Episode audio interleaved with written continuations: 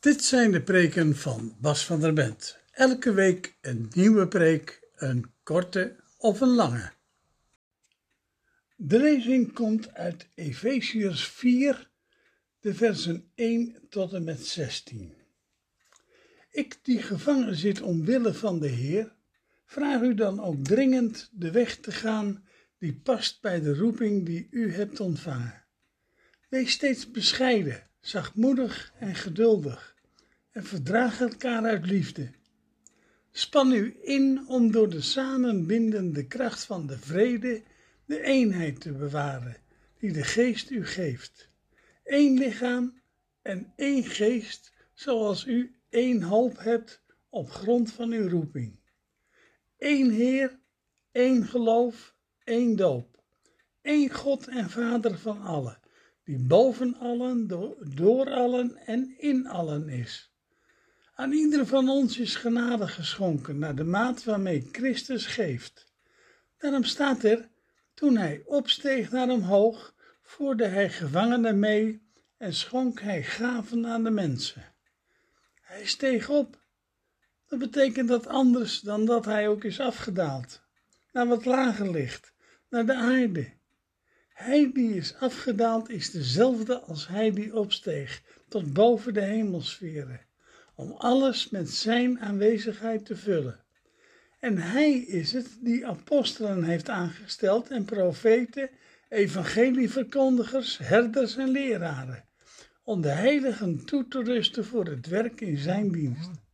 Zo wordt het lichaam van Christus opgebouwd, totdat wij alle samen door ons geloof en door onze kennis van de Zoon van God een eenheid vormen.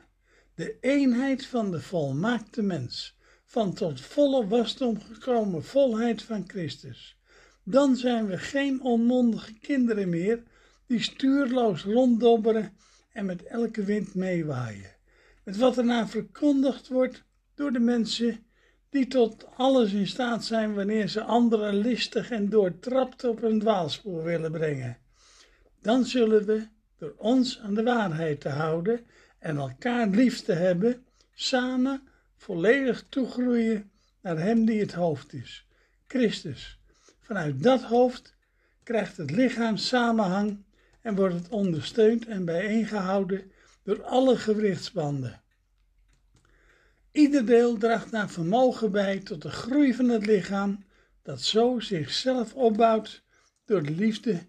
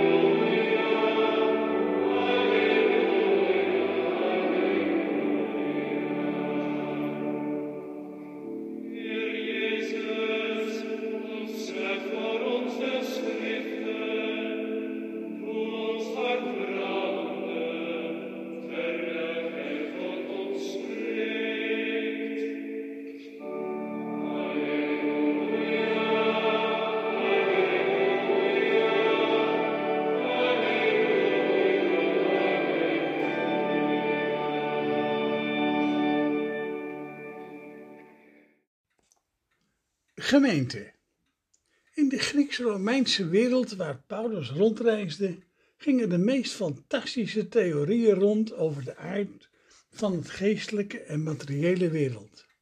Te veel theorieën vaak om te weerleggen en te weerspreken. Ook in de Joodse wereld waar Paulus toe behoorde, waren sporen van die speculaties terug te vinden.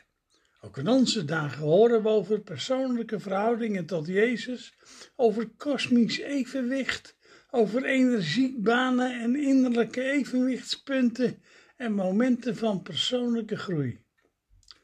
Paulus schuift al die mooie begrippen hier met een ferme beweging aan de kant. Het gaat om de liefde en in de liefde vormen we een hechte gemeenschap die die liefde ook uitstraalt naar de samenleving.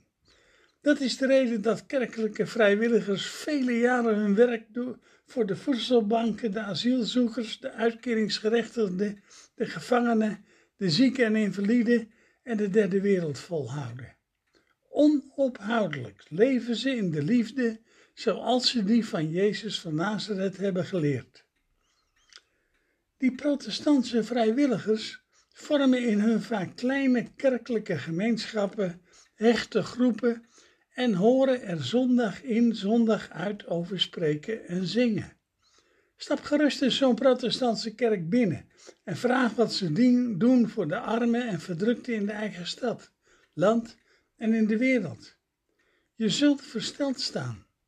De collecte voor de diaconie is daarin alleen een liturgische, dus symbolische handeling om aan te geven waar het op aankomt.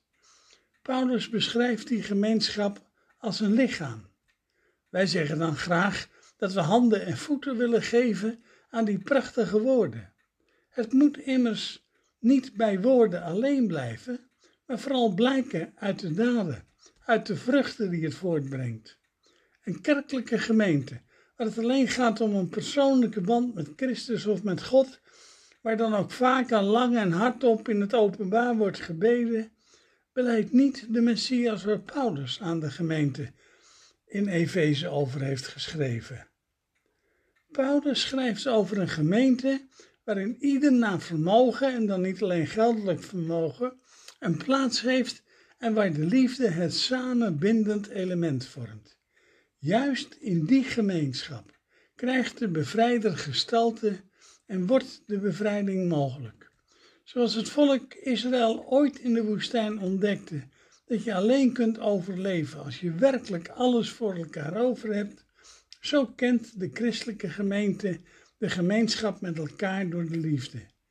In de loop van de geschiedenis is dat geloof in het bouwen van een nieuwe samenleving, een nieuw soort samenleving ook, verworden tot een voor wat hoort wat geloof. Als ik nu goed doe, dan wordt er voor mij ook goed gedaan. Ik krijg een leven na de dood. Ik krijg gezondheid of maatschappelijke voorspoed. Maar dat is niet de bedoeling.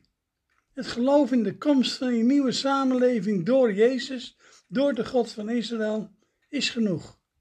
Dat geloof zet je in beweging. Niet om er zelf beter van te worden, maar om de naam van God groot te maken. Het is geweldig, die samenleving die alle mensen te staat. Daarvoor ga je door het vuur. En iedereen mag daarin meedoen, zonder inburgeringscursus of toelatingsexamen. Amen.